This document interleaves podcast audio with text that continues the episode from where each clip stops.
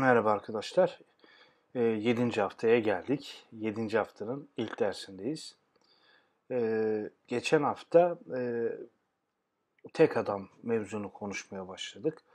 E, tek adam kavramı bizi artık bu ince Mehmet'e, yazara falan kadar götürmüştü.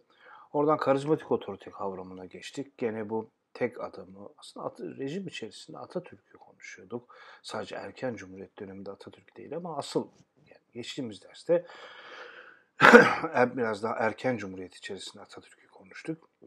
Onun tek adamlığını konuştuk. Ama malum bu tek adam, otoriter adam tartışması sadece erken Cumhuriyet dönemiyle e, sınırlandırılan bir tartışma değildi. Bu bugün de hala da e, geçerli bir tartışma ve bir şekilde bu olumlu olumsuz, menfi müsbet bir şekilde bir yere yerleştirilmeye çalışılıyor. Acaba hani biz bu konuda ne yani neler söyleyebiliriz? E, ne tür kavramlar eşliğinde bunu tartışabiliriz?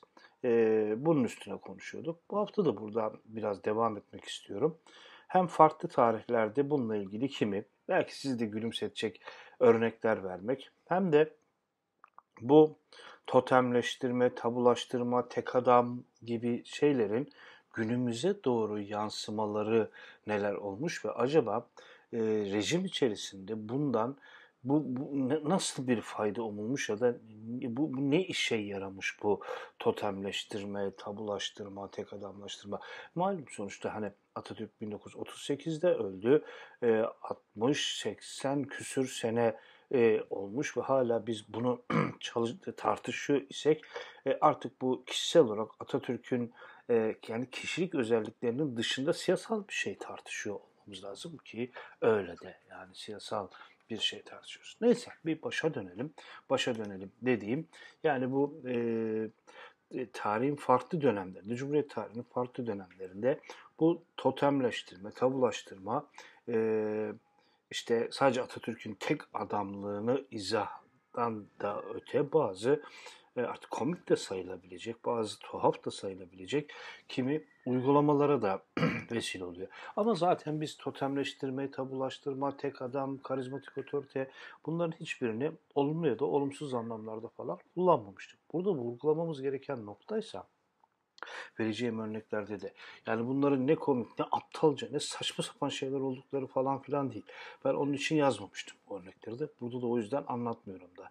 Yani siyasal olarak totemleştirmenin rejim içerisinde bazı toplumsal siyasal sorunları örtme, onları öteleme, bastırma, dönüştürme, yok sayma gibi sorunların bir yansıması olarak ortaya çıktığını düşündüğüm için bunları e, işte zamanda yazmıştım. E, bugün de sizlerle paylaşmak istiyorum. Neyse baştan bir başlayalım. Örneğin bunlardan belki de en bilinenlerden birisi e, şeyin e, Ardahan'ın Damal ilçesine bağlı Yukarı Gündeş köyü sınırları içerisinde Karadağ sırtlarına düştüğüne inanılan bir Atatürk gölgesi var ve bu Atatürk gölgesiyle ilgili kimi kutlamalar, şeyler falan e, aslında e, bu totemleştirme ile ilgili, e, tek adamlaştırma ile ilgili e, güzel bir örnek teşkil edebilir. E, bu e, işte bu gölgenin her yıl 15 Haziran ile 15 tarih 15 Temmuz tarihleri arasında 17, 55, 18, 10 tarihleri arasında işte bu Ardahan'ın Damal ilçesinin Yukarı Gündeş köyündeki şey dağın sırtlarına düştüğü düşünüyor. İşin ilginci 1996 yılında da buradan beridir de bugünlerde, bu senelerde kutlanıyor mu kutlanmıyor mu bilmiyorum ama muhtemeldir kutlanıyordur. Belki devlet erkanı böyle eski dabdebesiyle şeyle kutlamıyorsa da dağ dağısıyla kutlamıyorsa da hala e, emin değilim ama kutlanıyordur. Çünkü çok uzun süre kutlandı. 1996 yılından bu yana bu burada Atatürk'ün izinde, gölgesinde Damal şenlikleri adı altında resmi bir takımda kutlamalar yapıyorlar.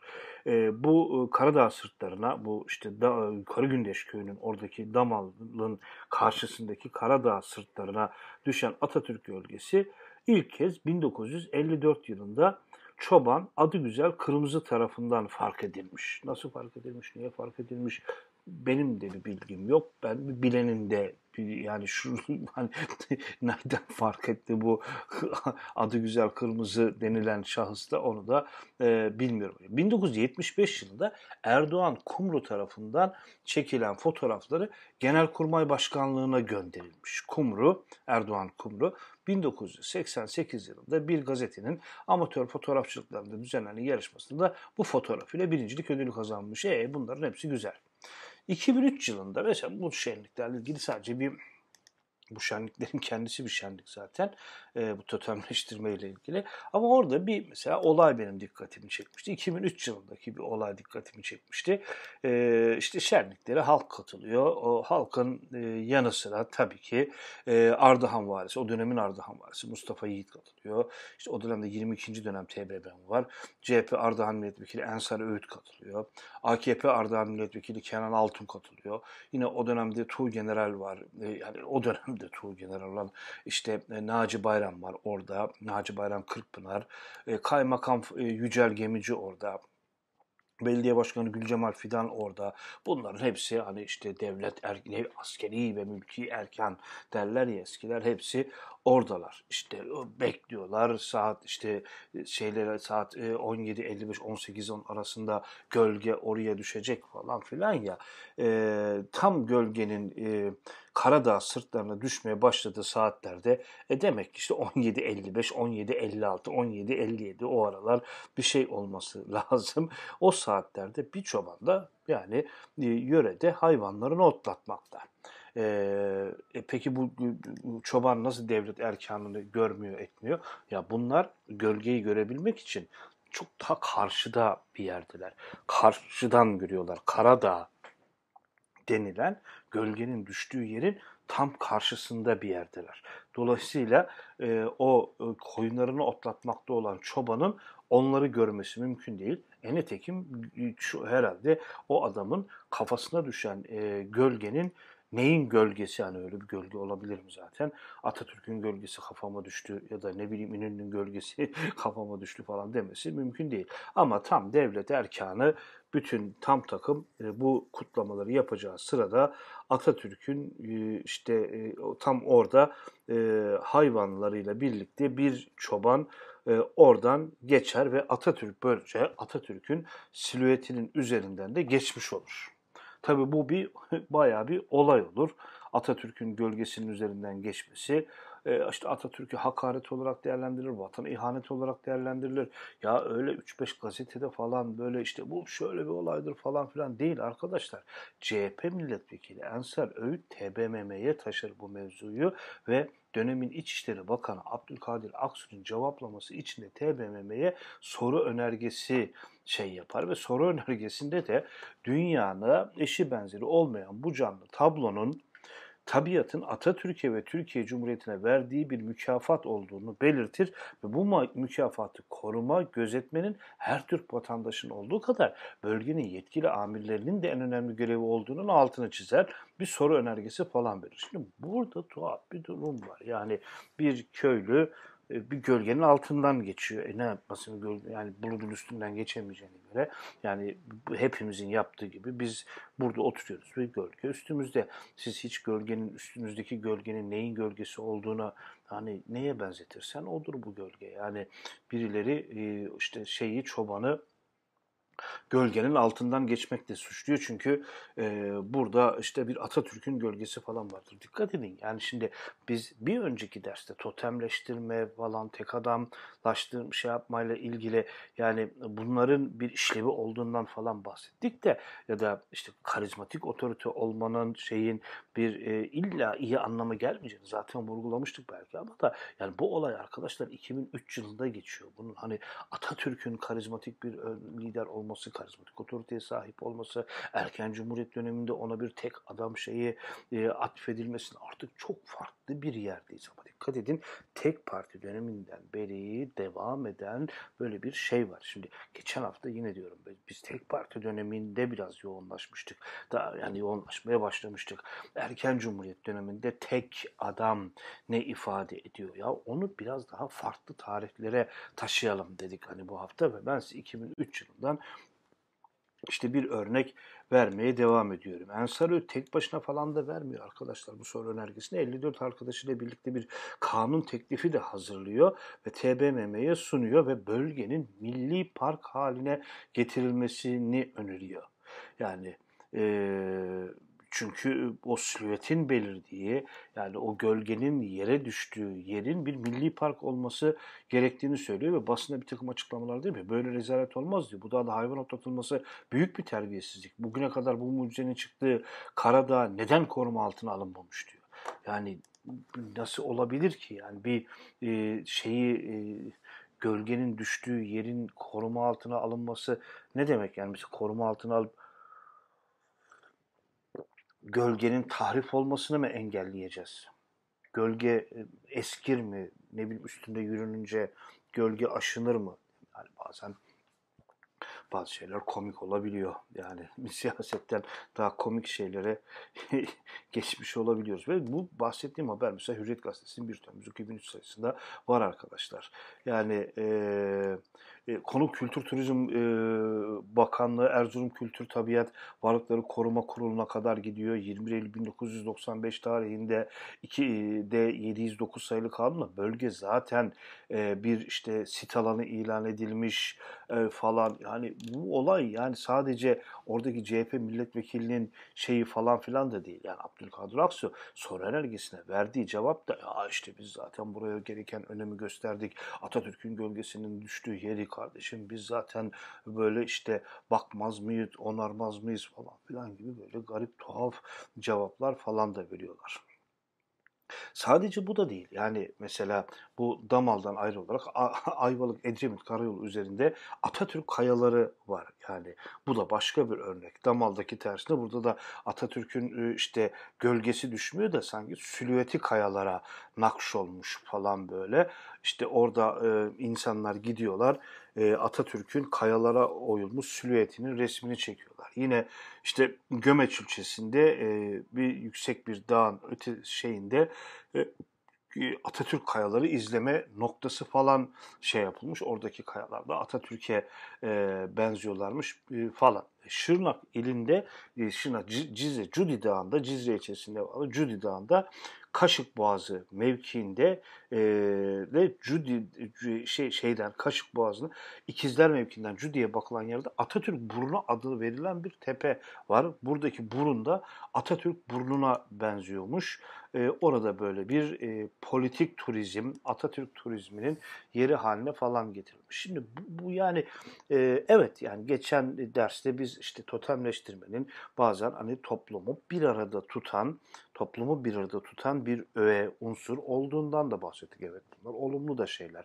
Bu sefer de yani bunun bazen hani ifrattan tefrite gitmenin de hani ya da toplumu bir arada tutan şeylerin e, ne bileyim yani yanlış şey yapılması falan mı diyelim bunu artık ne diyelim e, ya da 2000'li yıllara doğru gelirken artık işin iyice şekle dökülmüş olmasının falan özü kaybedip şekle dökülmüş olmasının falan da kimi sakıncaları kimi ya da tuhaf durumları falan olarak da şey yapabiliriz. Bir, başka örnekte Madame Tussauds Müzesi'ndeki Atatürk mumyasıyla ilgili de şey yapabiliriz. Burada da mesela bizim totem ve kahraman kavramlarına yüklediğimiz bir mesela şey vardır böyle onlar işte uzun boylu, güçlü, heybetli, böyle sert bakışlı falan filan bir hani içini doldur kahraman dediğimiz adam böyle 1.50 boylarında falan olması, ince sesli olma yani o pek bize şey şey yapmaz. Şimdi bakın Madame Tussauds Müzesi'ni mutlaka ki biliyorsunuzdur belki birçoğunuz gitmişsinizdir bile.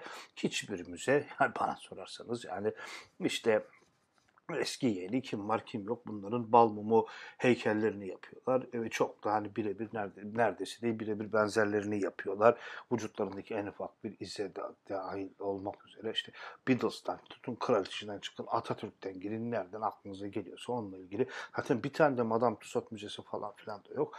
Ee, Oradaki e, heykellerden bir tanesi de İngiltere'deki heykellerden bir tanesi de Mustafa Kemal'in heykeli ve o heykelin biz e, kısa boylu olduğunu düşünmüşüz. Oradaki heykel kısa boylu imiş. E, kim düşünmüş? Yani bir sürü adam düşünmüş. O dönemde mesela Zülfü Livaneli bile bunu e, gazetedeki köşesinde, o zaman da Vatan Gazetesi'nde yazıyormuş, e, dile getiriyor ve niye? Çünkü kısa boylu yaptılar e, bu Londra'daki Madame Tussauds Müzesi'nde Atatürk'ü. Çünkü Atatürk e, Atatürk adlı bir Türk beyaz tenli, sarışın, mavi gözlü olamaz.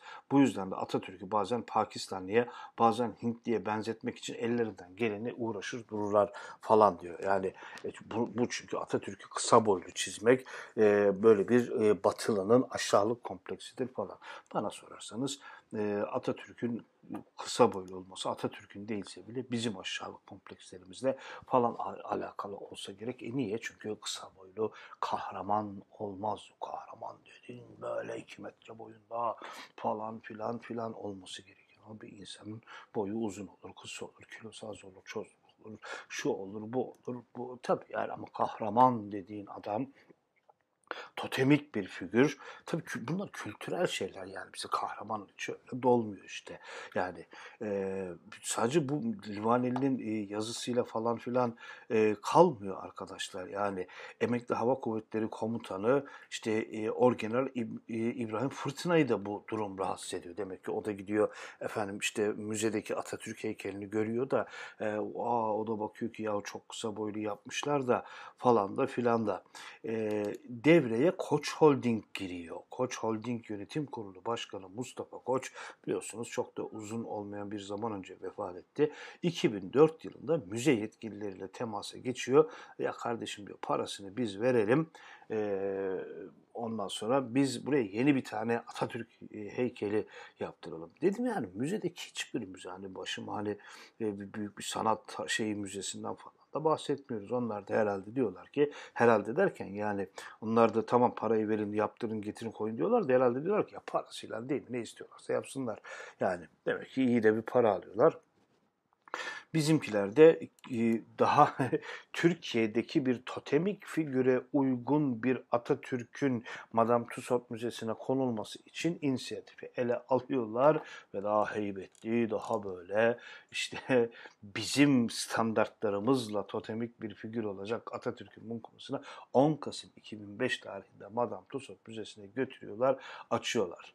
Ve işte o törende Mustafa, Mustafa Koç'ta tüm dünyanın Cumhuriyetimizin kurucusu atamızı her birimizin aklındaki ve kalbinde her birimizin aklında ve kalbinde taşıdığı biçimde yani gerçek hatlarıyla tanımasını istedik diyor. İşte bak şurası çok önemli. Mustafa Koç çok güzel bir noktaya temas ediyor. İşte orada kültürel şey orada devreye giriyor. Yani bir Atatürk figürü var ve e, bizim kafamızdaki yani Türkiye'deki insanların kültüründeki kahramana bilmem neye uymuyor. Halbuki bunlar e, bu boyla, posla, sesle, efendim işte göz rengiyle, saç rengiyle falan kahramanlık olur mu? E, olur yani işte olunca da böyle oluyor. E, böyle bir açılış töreni falan yapıyorlar. E, tarih 11 Ekim 2015 gazetelere yansıdığı e, tarih. E, mesela yani peki Atatürk'ün boyu posu zamanında nasıl e, tanımlanıyordu. O dönemde de mesela Yakup Hacı Karaosmanoğlu Ergenekon diye bir gazetede 1981 yılında Atatürk'ün e, vücut hatlarını mesela şöyle anlatıyor. Orta boylu zayıf bir zattır diyor Yakup Kadri. Gazetelerde gördüğünüz resimlerden hiçbirine de benzemiyor diyor. Kendisi bu resimlerin hepsinden daha sevimli, daha canlı, daha müstesna, daha e, e, müstesna bir simadır. Yüzü e, renk ve hudut itibariyle bir tunç parçası üzerine oyulmuş eski bir madalyonu andırır. Bakın o hani karizmayı konuşurken de bu noktalara değinmiştik değil mi? Yani e, benim çok kendimi yakışıklı görmem, benim size, benim yüzüm işte efendim e, hudut itibariyle bir tunç parçası üzerine oyulmuş eski bir madalyona andırır arkadaşlar demem. Ancak benimle dalga geçilmesine sebep olur. Hoca kafayı sıyırdı falan dersiniz. Önemli olan hani o totemde de vardı değil mi?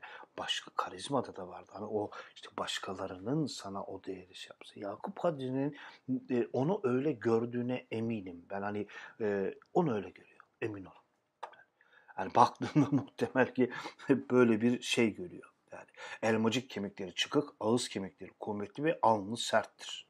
Şimdi hani alnı sert yani kafam attı sana falan yani. Tabii işi iyice cılkını çıkartmayalım. Bu yüzden heyeti umumiyesinde çok zahmet görmüş, çok uğraşmış, çok düşünmüş kimselerin çehresindeki ifade var. Fakat hiçbir yorgunluk emaresi görülmemiş şartıyla kısık ve sıcak bir sesle konuşuyor. Mavi gözlerindeki muammalı manzar, e, mavi gözleri muammalı nazara, nazarlara bakıyor. Vücudunun kımıldanışları genç bir Pars'ın kımıldanışları gibi. Yani burada tamamen bir kahraman anlatısını mutlaka görüyor olmalısınız. Yani bana bir, bir genç bir Pars'ın kımıldanışını tarif edebilecek olanınız var mı? Burada yalakalığın ötesinde bir şey anlatılmaya çalışıyor. Yani anlatıyorum. Yani dal, dalga geçiyor gibi değilim yani aman. Yani eleş, eleştiri de tabii bu. Yani burada burada totemin şeyin o ya da o onun izlerini arıyoruz açıkçası. Farklı tarihlerden kimi örnek? Yani halde edip de yani farklı tarihler derken illa 2000'lerde bilmem nereden vermeye gerek yok. Türk'ün ateşli imtihanında da o da Atatürk'ün fiziksel özelliklerinden bahsediyor. Böyle bir anı içerisinde anlatıyor. Şey, trenin kapısı açınca Mustafa Kemal Paşa yaklaştı bana diyor merdivenden inerken diyor e, yardım etti, refakat etti yani yani işte bir hanım inerken onun işte elini uzatırsın konusu inmesine yardım edersin ya bu elin çevik hareketi ve kudreti bana Mehmet Çavuş'la milli mücadelenin yolda arkada e, mücadelenin yolda arkadaşlık etmiş olduğum şahsiyetlerini hatırlattı. Fakat bu kudretli el şekil itibariyle ötekilerden bambaşkaydı. Mehmet Çavuş'un elini hatırlatıyor. Burada bir Anadolu figürü var. Ama hani onun onun gibi bir Anadolu eli var Mustafa Kemal'de ama olmaz. Yani o totemik figürdeki onunkinden ne benzer olmalı. Mayasını o Anadolulu efendim Mehmet Çavuş'un elinden almalı. Lakin ondan da bir totemik figür olarak farklı özellikler taşımalı. Ya nasıl olmalı? Halde Edip'ten devam edelim. Anadoluların elleri umumiyetle kocaman, geniş ve zalimlerin gırtla, zalimleri gırtlağından yakalamaya kadir görünür. Mustafa Kemal'in gergin derili uzun parmaklı eli Türk'ün bütün hususiyetleriyle birlikte aynı zamanda hakim bir va, va, vasfa sahipti. Yani bir el herhalde e, anca böyle e, tarif edilir herhalde. Selahattin Batu 1963 yılında Atatürk'ün bütün özellikleri hakkında bütün Atatürk'ün özellikleri hakkında de yine böyle yine totemik figür şeyler ne diyelim bağlar, izler bulabileceğimiz kimi ifadeler diri var. O, yani onu da mesela sizinle paylaşmak isterim. Dağ gibi bir yiğitti. Yenilme nedir bilmemiş. Elini neye dokunsa altın olurdu. Bakışı kime değse büyülenirdi. Bir masal kahramanıydı o. Yüz kalpli beldelerin önünde yüz başlı yırtıcıları yenmişti.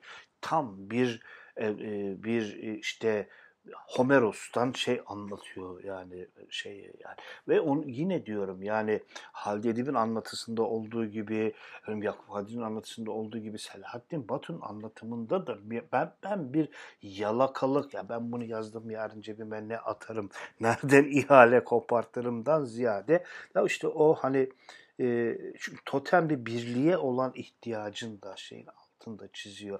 Değil mi? Yani o notlarda vardı geçen haftaki şeylerde yani. Çünkü ona vurgu aslında toplumsal birliğe, o onun o toteme duyulan ihtiyacın şeyine de bir e, gönderme de yapıyor.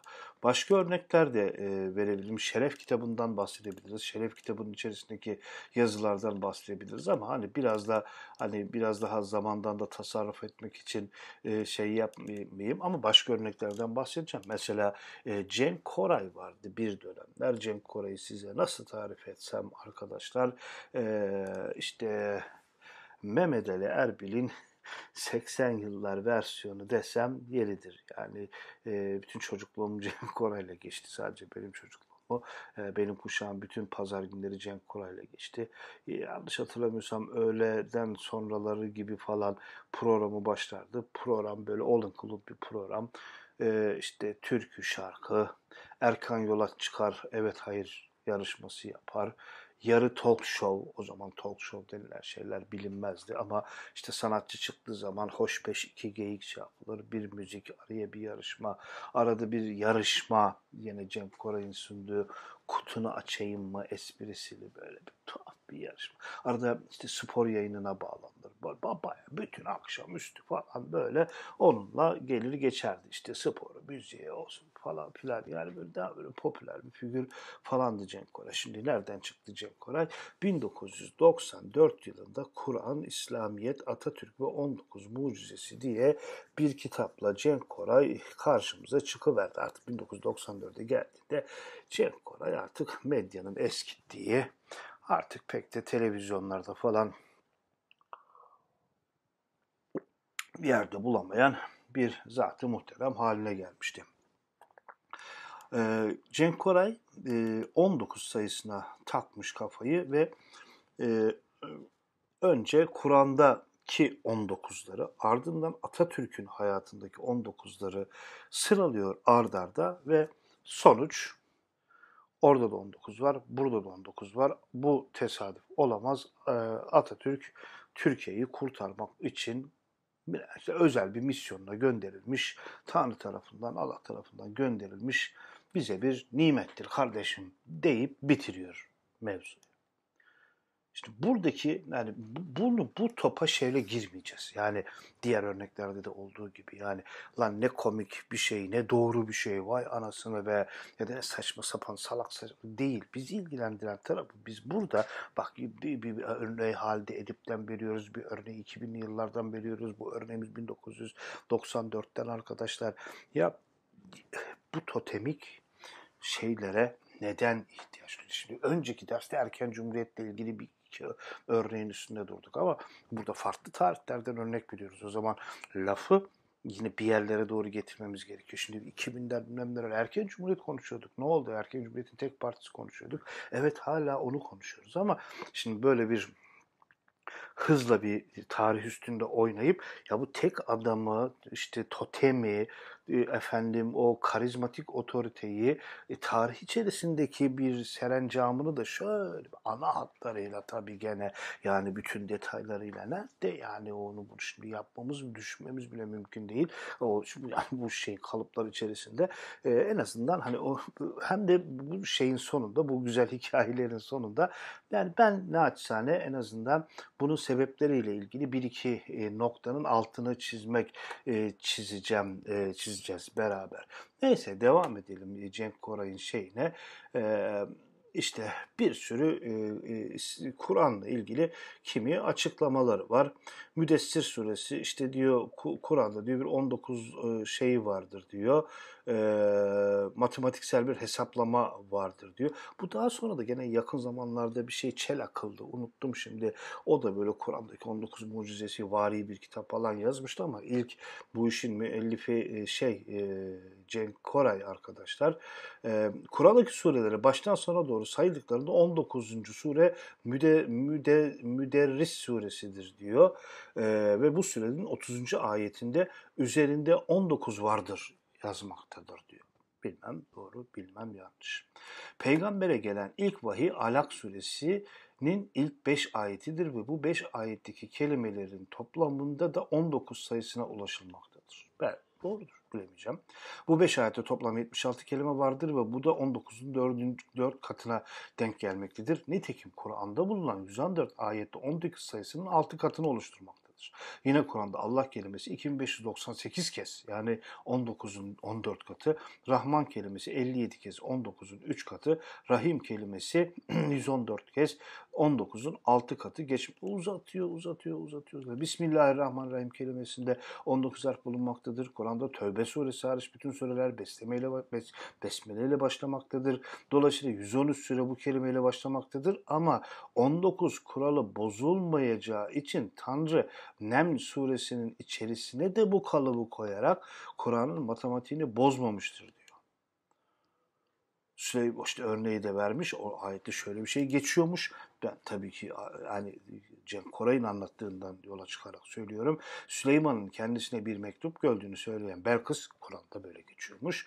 E, efendim e, surede o Süleyman'dan geliyor ve Bismillahirrahmanirrahim diye başlıyor diyor ve bir Bismillah daha geçiyor. Ediyor. 114, 114'te 19'un katı oluyor. İşte diyor ki e, Koray'da bak diyor yani e, işte 114'e tamam etmişler ve böylece 9 mucizesi şey Neyse laf uzatmayalım.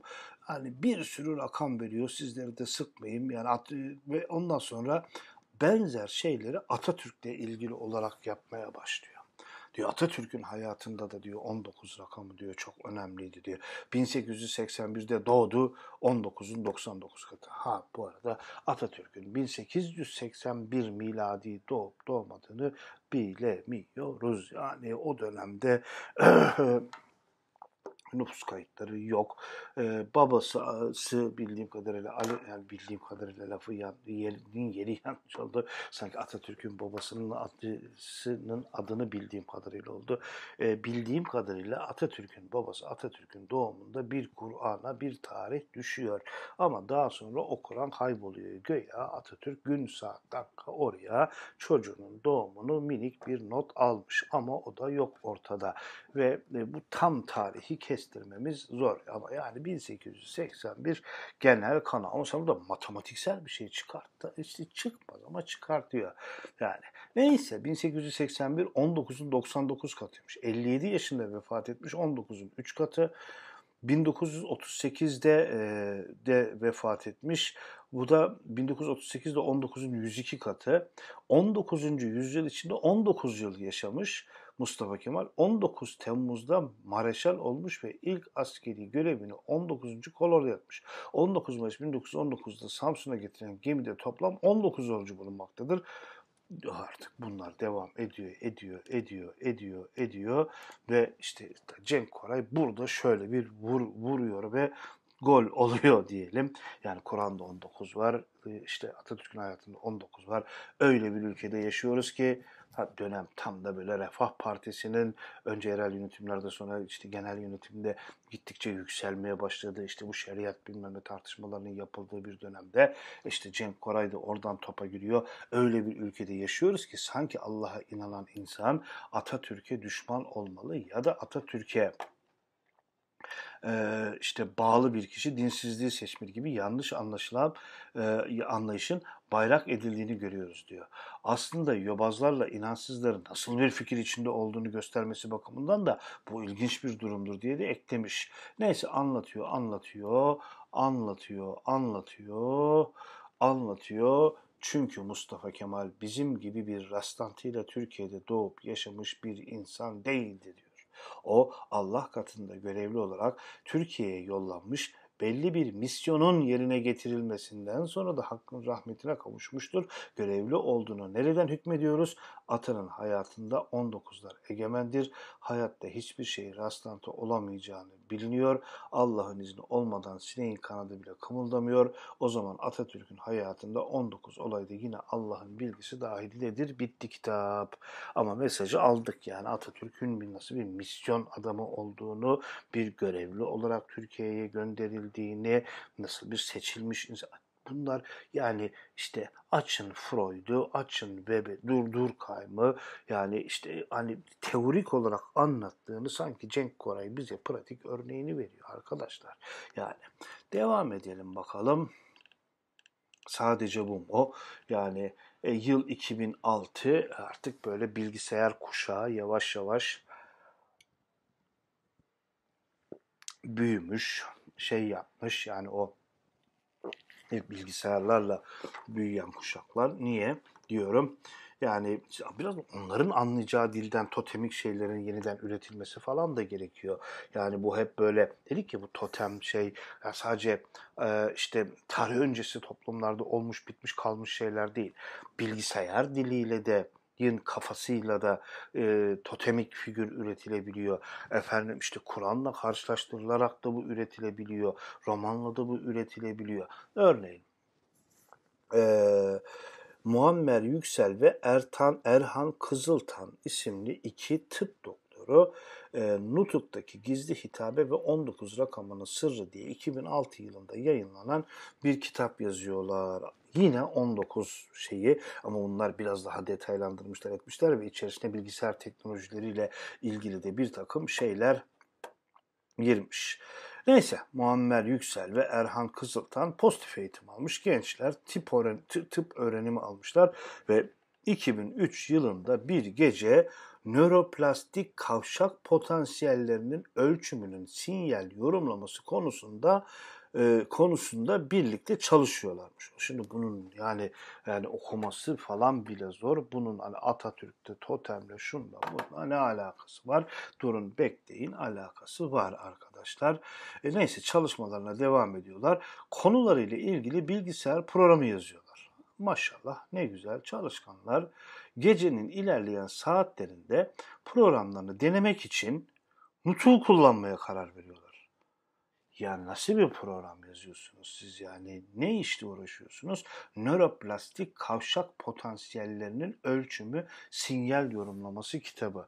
E ben de yani e, oturup genel cerrahi kitabı yazmıyorum. Yani siz nöroplastik bilmem ne falan fişmeken yazarken atı nutukla ne işin var? Hani nutuku gene oku çok istiyorsan tabii ki okuyabilirsin. Bunu illa siyaset bilimciler okuyacak diye bir kayda yok da yani dert ya şey yani doçent olmaya uğraşırken gecenin bir yarısı nöroplastik zırt pırtla nutukla ne, ne işin var senin? Neyse canım adamların içine karışmayalım arkadaşlar. Nutu paragraf kodundan kurtarıp salt metin koduna dönüştürüp programlarına yüklüyorlar. Ya bu nasıl bir program? Hiçbir tabii fikrimiz yok. Görsek de anlamayız, tanımayız muhtemeldir. Yani kafamız var en azından. Benim kafam basmaz. Nöroplastik zırt pırtlık programı nasıl kullanılır, nasıl açılır, nasıl kapanılır hiçbir fikrim yok. Ki onun içine nutu koyup da çalıştırmak aklıma gelsin, kafam bassın. Program işlemeye başladığında bunu kitaptan aldım arkadaşlar. Yani aynen bu buna benzer ifadeler var. Programları işlemeye başladığında kitabın yazarları da çay içmeye e, efendim mutfağa gidiyorlar. Yaklaşık 25 dakika sonra ne olduğu anlaşılmayan bir takım çıktılar bilgisayardan çıkmaya başlıyor. Ne doğru. Yani demek ki anlamsız şeyler çıkmaya başlıyor. Yani girdiğinin girdiğine dua edeceksin. Çıktığına çıktığına değil.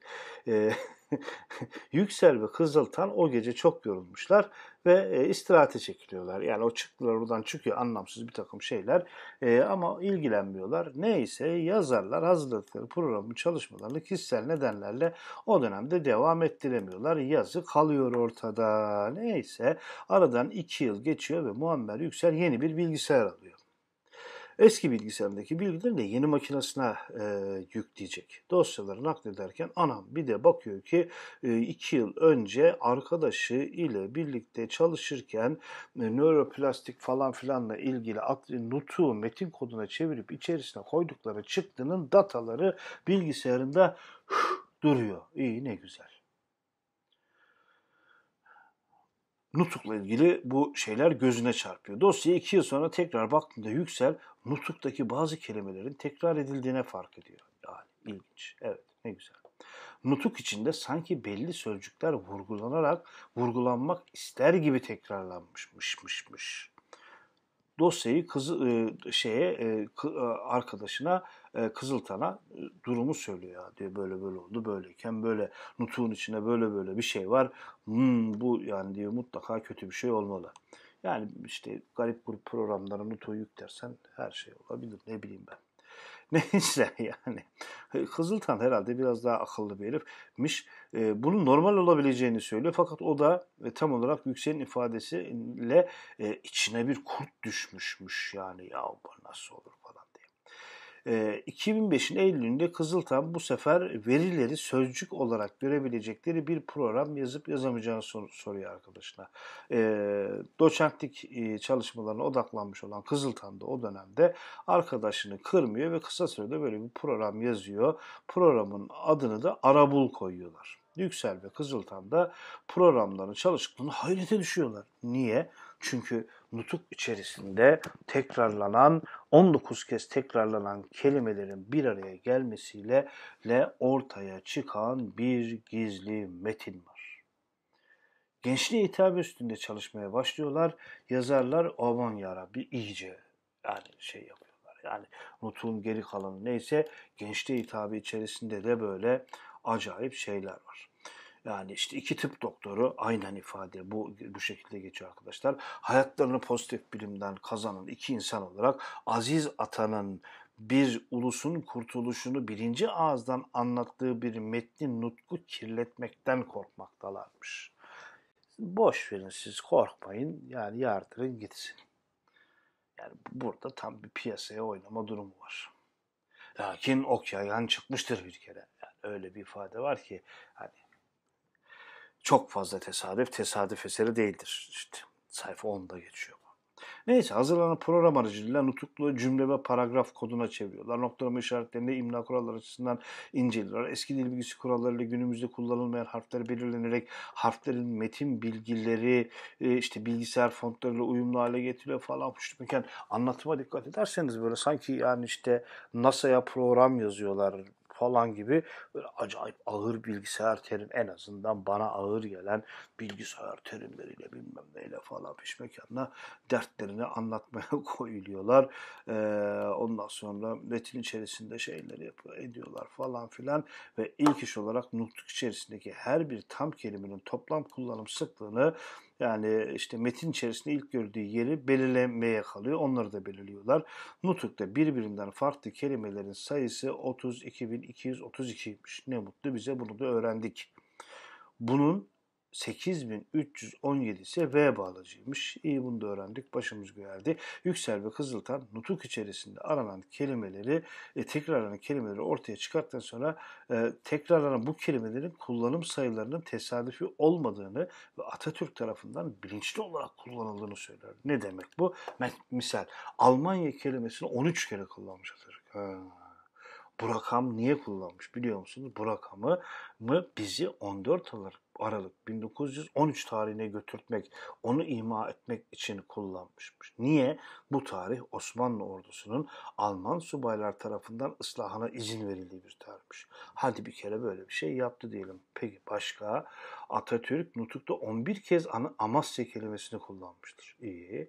Ama Mustafa Kemal'in bu kelimeyi 11 kez kullanmasındaki e, ki tek amaç 11. yüzyılda Amasya'nın 11. yüzyılda danışmentlilerin egemenliğine girdiğini belirtmek istemesiymiş. Yahu adam neden böyle bir şey belirtmek istesin?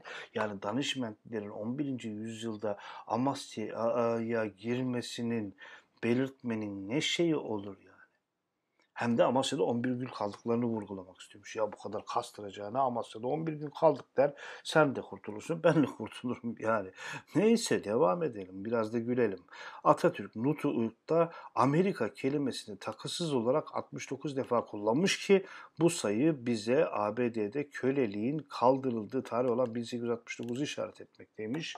Niye böyle bir şey yapsın? Ama işte üstün insan, totemik figür, karizmatik otorite böyle öyle bir otorite arkadaşlar bakın ona öyle bir değer atfediliyor. Atatürk'ün ağzından böyle bir şey duymuyorsunuz yani. Ben işte aslında Nutuk'ta 19 kere bunu söyledim çünkü şöyle hiçbir zaman böyle bir ifade falan da duymuyorsunuzdur.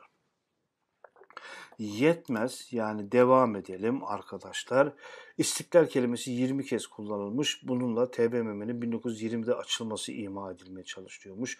E, Reisi Cumhur kelimesi 28 kez kullanılmış. Çünkü Mustafa Kemal 28 kez bu kelimeyi kullanarak bir e, 1928 yılında Türk halkına devrimleri anlatmaya başladığı tarihi kastediyormuş. Yani e, diyeceksiniz ki ay yeter öldüm bayıldım devam edelim. 33 kere Cumhuriyet kelimesini kullanmış. E, 1933 yılındaki 10. yıl kurultayını vurgulamak istemiş Atatürk. Yahu niye vurgulasın? Neyse. 1059 kez tekrarladığı Bursa kelimesi varmış. Mustafa Kemal 59 kez Bursa diyerek nutkunda 1859'da inşa edilen ve kendisinin de bir kez kaldığı Hünkar Köşkü'nü e, işaret etmeye çalışıyormuş. Yani yazı yazmıyor ki bu bulmaca gibi bir şey oldu. Edirne kelimesi 30 kez kullanmış çünkü 5 Aralık 1930'daki Edirne gezisini ima etmeye çalışmış. Ya kendi gezisini ima etmek için niye araya Edirne, Edirne, Edirne kaç oldu ya Edirne, Edirne, Edirne diye böyle saya saya saya bir şeyler ilave etsin ki. Hakeza 25 kez Ermenistan kelimesi 5 Mayıs 1900 Ermenistan kelimesini 25 kere kullanmış.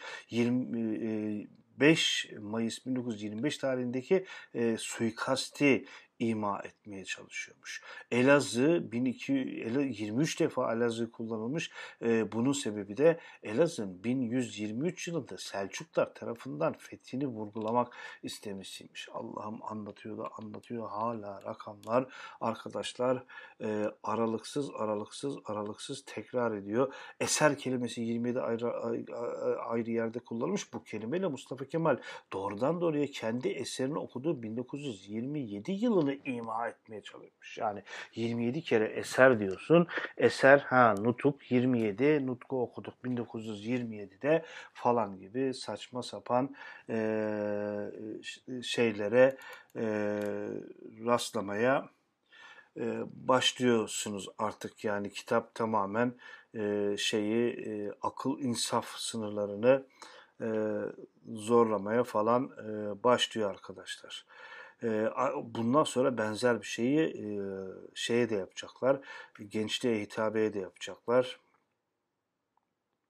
Bunun yanında sadece 19 kez tekrarlanan kelimeler değil, bir de 31 rakamını bir tesadüf olarak program tarafından output'unda böyle bir şey çıkıyor ortaya. Aa 31 kere tekrar edilen kelimeler var. Acep bunlar nedir nedir? Yani ve niye böyledir? Gençliğe hitabı üzerinde yoğunlaştıklarını söylemiştim ya. Gençliğe hitabı içine geçen her bir kelimenin nutuk içerisinde kaç kez kullanıldığını araştırıyorlar. Gençliğe hitabı içindeki kelimelerin tekrar sayısı ile aynı kelimelerin nutuk içerisindeki frekans sayılarının birbirine oranından e, hareketle 1300 135.77 sayısına ulaşıyorlar. Nasıl ulaşıyorlar? Ne ediyorlar? Ben de anlamadım açıkçası arkadaşlar. Çünkü yazarlar 135 sayısının 135.77 çıkıyordu ya 135 sayısının Atatürk'ün doğum tarihine 1981 eklendiğinde 2016 olduğunu söylüyorlar. Ha ha tam 2006 kitabın tam da e, 2016 pardon tam da yazıldı şey yaptı tartar. Yazarlara onların hazırladığı bilgisayar programı verilerine göre gençliğe hitabede kullanılan sözcüklerin nutuk içindeki kullanım sayıları gençliğe hitabe içinde kullanım sayısına oranından ise 129.68 rakamına ulaşabiliyorlar. Bu rakama 1881 eklediğinde ise 2010 sayısına ulaşıyorlar. O zaman Atatürk 2006-2010 arasında bir tehlikeden bahsediyor imiş. Ee, devam edelim. Ee, işte bu tehlikeyi de yine metin içerisinde gizli gömülü olarak şöyle bir metin şey yapılıyormuş. Tüm seçkin temsilciler millet tüm seçkin temsilciler millete hizmet etmek yerine görevlerini yerine getirmektedir, e, getirmemektedirler. Bunların kanunlara bil fiil uymaları gerektiğini belirtiniz. Şunu söyleyiniz, yakın zamana kadar mevcut faaliyetleri başka gözle görmeye çabalayanlar artık durumun farkındadır, e, farkındadır. Kumandanların hizmet etmelerine siz engel oluyorsunuz. Olaylar tam olarak düşün, olayları tam olarak düşünen her kişi bunun nedeninin hükümet olduğunu görür.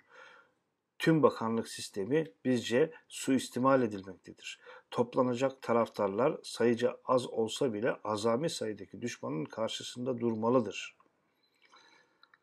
Bu çağrıyı yapması gereken yüzbaşılardır. Büyük şerefli cephe düşünülmelidir. Maksadından anlaşılıyordu. Ne demekse tarihi vilayetin hepsini bölüp Diyarbakır Kürt devletinin oluşmasına yol açmak, memleket içinde bulunduğu durumu kesinlikle bir, kesinlikle birisinin durumuna müdahale etmesi gerektiğini belirtecekler falan. Neyse öyle devam ediyor arkadaşlar. Ee, yani burada mesela Atatürk'ü koruma kanunundan da e, bahsetmek gerekebilir. E, devamında başka şeylerden de bahsetmek gerekebilir. E, çünkü Atatürk'ün koruma kanunu da gerçekten tam totemik bir takım özellikler taşıyor arkadaşlar. E, bunları da önümüz haftaya bırakalım. Önümüz derste de arkadaşlar hem bu nutu şeyden Atatürk Koruma Kanunu'ndan biraz da bahsettikten sonra ya bu süreç nasıl işledi? Yani bu tek adam şeyi erken cumhuriyette bir başladı, oturdu. Daha öncesi de var tabii ki. Ama ondan sonra bakıyoruz ki 2016'ya da geliyor, 2020'ye de geliyor, günümüze de geliyor. Peki bu süreç nasıl oldu? Bunu nasıl okumak gerekir? Ana hatları nelerdir bunların? Onları konuşmak için de önümüz haftayı, önümüz dersi bekleyelim arkadaşlar. Ee, evet bu derste de dinlediğiniz için beni bu şeyde teşekkür ederim. Ee, önümüz derste tekrar görüşmek üzere arkadaşlar.